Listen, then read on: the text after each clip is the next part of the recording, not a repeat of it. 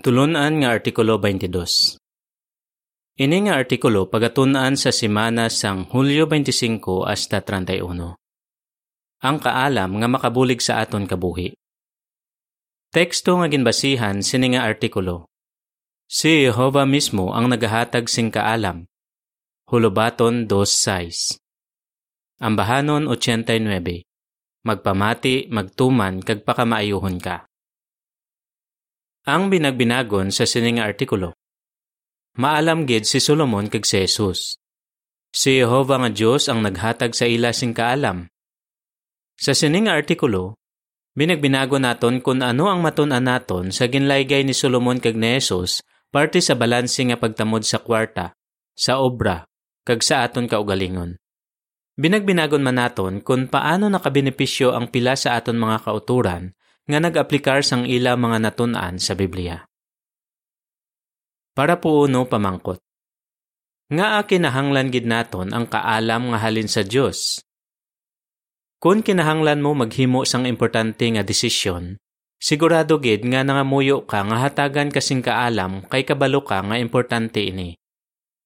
Si Hari Solomon nagsulat, Ang kaalam amo ang pinakaimportante sa tanan. Ang hulubaton 4.7 nagasiling.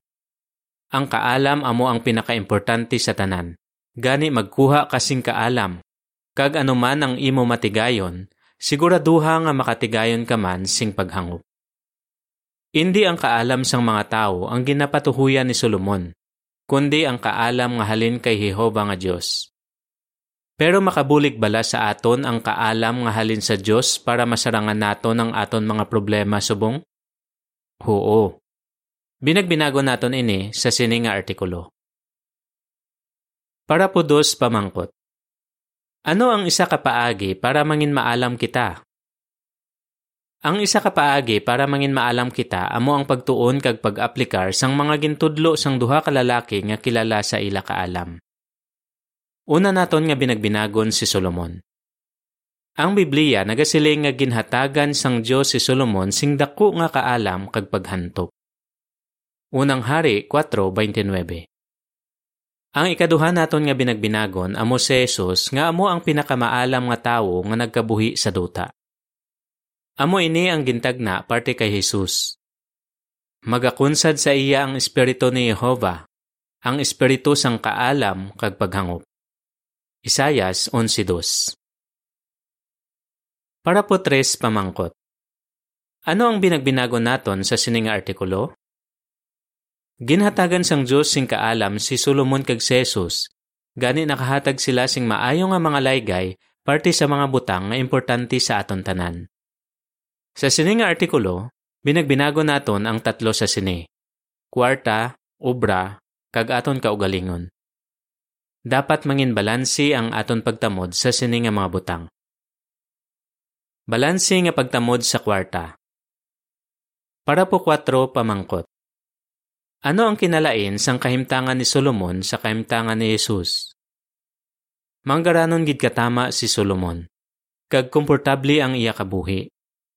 Kon parte naman kay Jesus, jutay lang ang iya pagkabutang kag wala siya sing kaugalingon nga balay.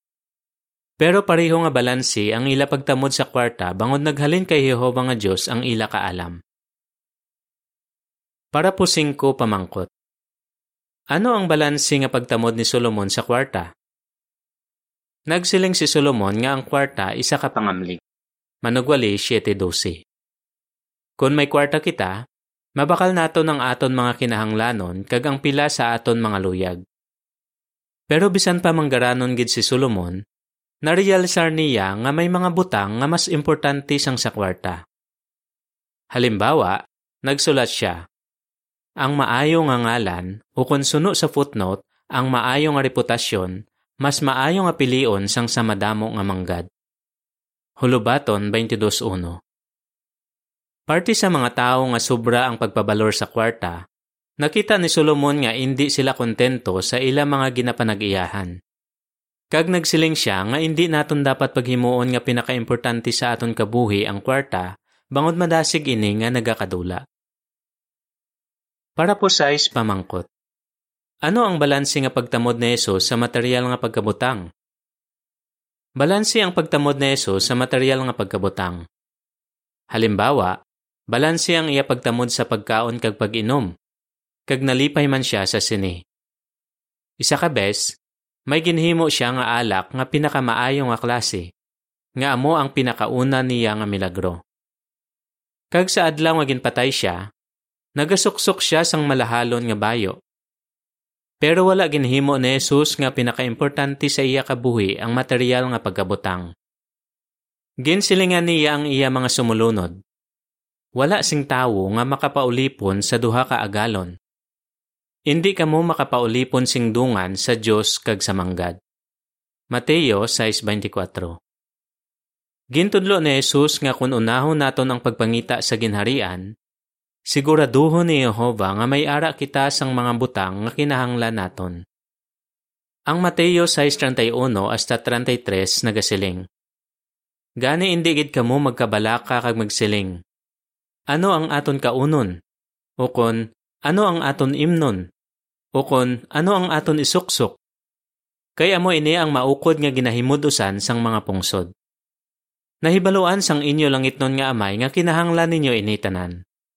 Gani padayon ninyo nga unahon ang pagpangita sa ginharian, kag sa pagkamatarong sang Diyos. Kag initanan, idugang sa inyo. Para po siyete pamangkot. Paano nakabenepisyo ang isa ka brother bangod balansi ang iya pagtamod sa kwarta? Madamo sa aton mga kauturan ang nag-aplikar sang laygay ni Jehova parte sa kwarta, kag nakabenepisyo sila sa sini. Binagbinaga ang halimbawa sang isa ka soltero nga brother nga si Daniel. Nagsiling siya.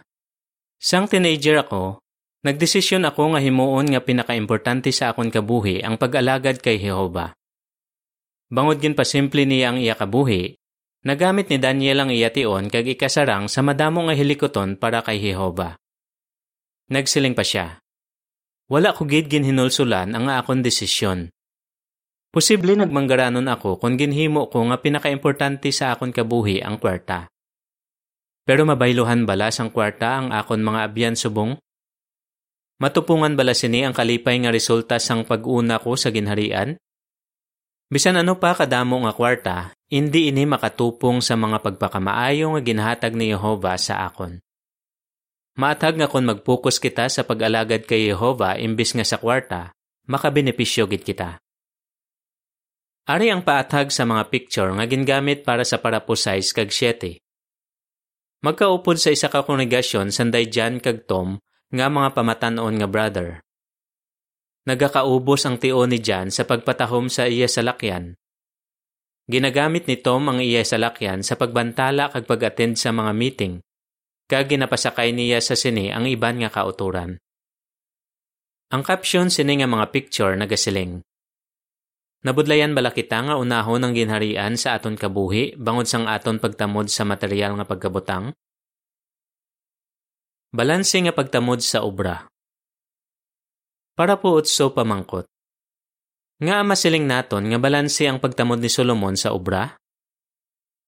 Nagsiling si Solomon nga makahatag sing kalipay ang aton pagpangabudlay. Gintawag niya ini nga dulot sang Dios. Ang manugwali 5:18 kag 19 nagasiling. Ini ang pinakamaayo kag husto nga butang nga nakita ko. Ang tawo magkaon kag maginom kag magpangalipay sa tanan niya nga ginpangabudlayan dari sa idalom sang adlaw sa malipot nga kabuhi nga ginhatag sang matuod nga Dios sa iya kay amo ina ang iya padya. Kag kun hatagan sang matuod nga Dios ang tawo sing manggad kag mga pagkabutang kag gintugutan niya siya sa pagpanginpulo sa sini dapat niya batunon ang iya padya kag magkalipay sa iya ginpangabudlayan. Dulot ini sang Dios. Nagsulat siya. May kaayuhan sa tanan nga sahi sang pagpangabudlay. Hulubaton 14:23. Kabalo si Solomon nga matuod ini kay nagpangabudlay man siya. Nagpatindog siya sang mga balay. Nagtanom siya sang mga ulubasan. Kag naghimo siya sang mga hardin kag punong sang tubig. Nagpatindog man siya sang mga syudad. Gani nagpangabudlay siya, kag nakahatag ini sa iya sing kalipay. Pero kabalo si Solomon nga para mangin matuod siya nga malipayon, may dapat pa siya himuon. Gani madamo man siya sing ginhimo ang helikoton para kay Jehova. Halimbawa, ginpangunahan niya ang pagpatindog sang matahom nga templo para sa pagsimba kay Jehova nga nagdugay sing pito ka tuig. Pagkatapos mahimo ni Solomon ang madamo nga helikoton, nariyalsar niya nga ang pag-alagad kay Jehova amo ang pinakaimportante nga helikoton nga mahimo sang isa ka tawo. Nagsulat siya, Sa tapos mabatian ang tanan, amo ini ang akon mahinakop. Kahadloki ang matuod nga Dios kag tumana ang iya mga sugo. Manugwali 12:13. Para po 9 pamangkot. Ano ang ginhimo ni Jesus para hindi mangin pinakaimportante sa iya kabuhi ang iya obra? Nagpangabudlay si Jesus. Sang pamatanon pa siya, nagubra siya bilang isa ka panday. Bangod sini, Nabuligan niya ang iya mga ginikanan nga nagapanikasugid sa pag-aman sa ila dako nga pamilya. Sigurado gid nga ginpasalamatan siya sang iya mga ginikanan. Perpekto si Jesus kag perpekto ang iya mga ginuobra bilang isa ka panday. Gani posible gid nga gusto sang madamo nga tawo ang iya mga ginuobra. Posible gid nga nalipay si Jesus sa iya pagpangabudlay. Pero bisan pa mapisan si Jesus sa iya obra, Ginsigurado niya nga may tion siya sa pag-alagad kay Jehova. Sang ulihi, bilang isa kabugos tion nga manugbantala, ginlaygaya ni Jesus ang mga nagapamati sa iya. Hindi ninyo pagpangabudlayi ang pagkaon nga nagakadunot, kundi ang pagkaon nga wala nagakadunot nga nagahatag sang kabuhi nga wala sing katapusan. Juan 6.27 Kag sa iya sermon sa bukid, nagsiling si Jesus, Magtipon kamo sing mga bahandi para sa inyo kaugalingon didto sa langit. Mateo 6.20 Para po Jis pamangkot. Ano nga problema ang posible ma-experiensyan sang iban sa ila obra? Kung i-aplikar nato ng kaalam nga halin sa Dios, mangin balanse ang aton pagtamod sa aton obra. Bilang mga Kristiyano, gintudloan kita nga magpangabudlay kag magtrabaho Efeso 4.28 Sa masami, makita sang aton mga boss nga anis kita kag mapisan. Kag posible, silingan nila kita nga ginapabaloran gid nila ini. Bangon sini, posible nga dugangan naton ang aton oras sa pag-obra, kay gusto naton nga mangin maayo ang impresyon sang aton mga boss sa mga saksi ni Jehova. Pero sa ulihi, marialisar naton nga nagjutay na ang aton tion para sa aton pamilya kag para kay Jehova. Gani dapat kita maghimo sang pagbago para may tion kita sa pinakaimportante nga mga butang. Para po si pamangkot. Ano ang natunan sang isa ka brother parte sa balanse nga pagtamod sa obra? Binagbinaga ang eksperyensya sang isa ka pamatanon nga brother nga si William. Natunan niya sa isa ka gulang nga ginobrahan niya sadto nga importante gid ang husto nga pagtamod sa obra. Nagsiling si William. Maayo gid nga halimbawa ini nga brother sa pagpakita sing balanse nga pagtamod sa obra. Nagapangabudlay siya sing lakas kag maayo ang iya relasyon sa iya mga kliyente bangod sang kalidad sang iya obra. Pero pagkatapos ang obra sa bugos nga adlaw, makahibalo siya nga biyaan anay ang iya obra kag dayon at ipanon ang iya pamilya kag ang iya pagsimba. Kag abi mo, siya ang pinakamalipayon nga tawo nga nakilala ko. Ari ang paatag sa mga picture nga gingamit para sa parapudjes kag unse. Naga-overtime si John. Hindi niya gusto nga maakig sa iya ang iya boss. Gani kon magsiling ang iya boss nga dapat siya mag-overtime, naga-overtime gid si John. Sinaman nga gabi, ginopdan ni Tom ang isa ka gulang para mag-shepherding sa isa ka utod. Isa ka ministerial nga alagad si Tom. Madugay na niya nga ginpaatag sa iya boss nga may mga gabi nga hindi siya pwede mag-overtime kay ginagamit niya ini sa iya pag-alagad kay Jehova. Ang kapsyon sini nga mga picture nagasiling. Paano naton mabalanse ang aton obra kag ang aton pag-alagad kay Jehova? Balanse nga pagtamod sa aton kaugalingon. Para po 12 pamangkot. Paano ginpakita ni Solomon nga balanse ang pagtamod niya sa iya kaugalingon, pero paano nagbago ang iya pagtamod? Sang matutumpa nga nag-aalagad si Solomon kay Jehova, balanse ang pagtamod niya sa iya kaugalingon. Sang pamatanon pa siya, mapainubuso niya nga ginsiling ang mga indi niya masarangan nga himuon kag nagpabulig siya kay Jehova. Sa umpisa sang iya pagahom, kabalo man si Solomon nga hindi gid maayo ang resulta kung mangin bugalo ng isa katawo. Nagsiling siya, ang bugal nagauna sa pagkapukan, kag ang matinaas-taason nga espiritu sa pagkasandad. Hulubaton 16-18 Pero masubugid kay wala ginaplikar ni Solomon ang iya mismo laygay. Sang ulihi, nangin bugalon siya kag wala niya gintuman ang pila kasugo ni Jehova. Halimbawa, ang isa kasugo nagasiling nga ang Hebreo nga hari hindi dapat magpangasawa sing madamo, agod hindi magtalang ang iya tagipusoon. Deuteronomio 17.17 Wala gintuman ni Solomon ini nga sugo, kay 700 ang iya nangin asawa, kag 300 ang iya nangin babaye, kag madamo sa ila ang pagano. Posible ginhuna-una ni Solomon nga hindi ini mangin problema para sa iya. Pero sang ulihi, naganto si Solomon bangod sang malain nga mga resulta sang iya hindi pagtuman kay Jehova. Para po pamangkot. Ano ang matunan naton kung pamalandungan naton ang pagka mapainubuson ni Jesus? Mapainubuson si Jesus kag balansigid permi ang pagtamod niya sa iya galingon. Anti siya nagkadto sa duta, madamo siya sing ginhimo nga dalayawon nga mga butang sa iya pag-alagad kay Jehova.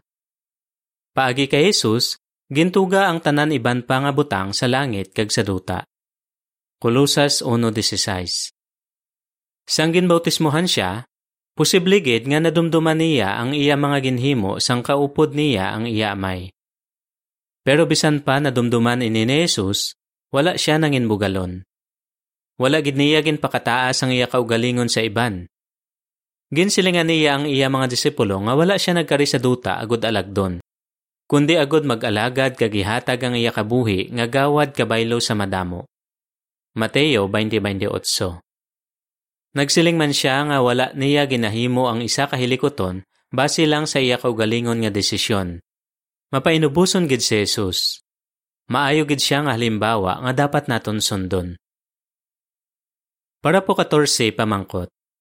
Ano ang matunan naton kay Jesus parte sa balanse nga pagtamod sa aton kaugalingon?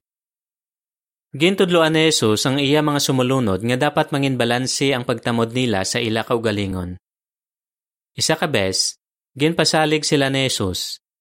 Ang buhok sa inyo ulo naisip niya tanan. Mateo 10.30 Makapaligon gid sa aton ang ginsiling ni Jesus. Ilabi na kung negatibo ang pagtamod naton sa aton kaugalingon. Ginapahangop ni Jesus nga interesado gid sa aton ang aton amay sa langit, kag ginapabaloran gid niya kita. Gusto ni Jehova nga simbahon naton siya, kag para sa iya, Nagakadapat kita magbaton sang kabuhi nga wala sing katapusan sa iya bag-o nga kalibutan. Hindi gid naton dapat paghuna-unaon nga sala ang pagtamod ni Jehova sa aton. Para po 15 pamangkot sa A. Ano ang ginpaligon sa aton sang ang lalantawan parte sa balanse nga pagtamod sa aton kaugalingon? Pamangkot sa B. Base sa picture sa pahina 24, ano nga mga pagpakamaayo ang hindi naton maeksperiensyahan kung nakapukus lang kita sa aton kaugalingon? Mga kinsi katuig na ang nagligad, ginpaligon kita sang ang lalantawan nga dapat mangin balanse ang pagtamod naton sa aton kaugalingon. Nagsiling ini, sa pagkamatuod, hindi naton dapat hunaon-naon ang aton kaugalingon nga labaw sa kun ano gid kita, tubtub sa punto nga nagapahambog na kita. Kag indi man naton dapat tamdon ang aton kaugalingon nga wala gid sing kabilinggan. Sa baylo, dapat naton tinguhaan nga palambuon ang makatarunganon nga pagtamod sa aton kaugalingon. Nga ginabinagbinag ang aton kabakod, kag subong man ang aton mga limitasyon. Ang isa ka kristyanong babae nagsiling, Hindi man gid ako malain nga tawo. Kag hindi man ako ang pinakamaayo. May maayo ako nga mga kinaiya kag may malain man. Kag ang tanan, subong man sini. Ginapakita sini nga maayo gid kun balanse ang pagtamod naton sa aton kaugalingon. Ari ang paatag sa mga picture nga gingamit para sa 15. Nakapokus si Jan sa iya kaugalingon.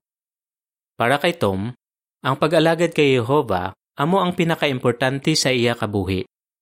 Gani madamo siya sing nangin abyan sang nagbulig siya sa pagkaio sa isa ka assembly hall. Ang caption sini nga mga picture nagasiling. Ano nga mga pagpakamaayo ang hindi naton maeksperiensyahan kung nakapokus lang kita sa aton kaugalingon? Para po 16 pamangkot. Nga ginahatagan kita ni Jehova sang maayo nga mga laygay. Ginahatagan kita ni Jehova sang maayo nga mga laygay paagi sa iya pulong. Palangga niya kita, kagusto niya nga mangin malipayon kita. Ang pag-una kay Jehova sa aton kabuhi, amo ang pinakamaayo nga desisyon nga mahimo naton nga makahatag sa aton sang matuod nga kalipay. Kung himuon naton ini, Malikawan naton ang madamong nga problema nga nagapaanto sa mga tawo nga sobra ang pagpabalor sa kwarta, sa ila obra, o kun sa ila kaugalingon.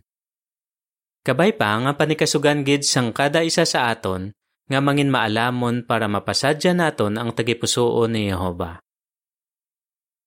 Ano ang matun-an naton sa laygay ni Solomon kag ni Jesus parte sa balanse nga pagtamod? Sa kwarta, sa obra, sa aton kaugalingon, Ambahano 94 Salamat sa pulong sang Diyos. Dari natapos ang artikulo.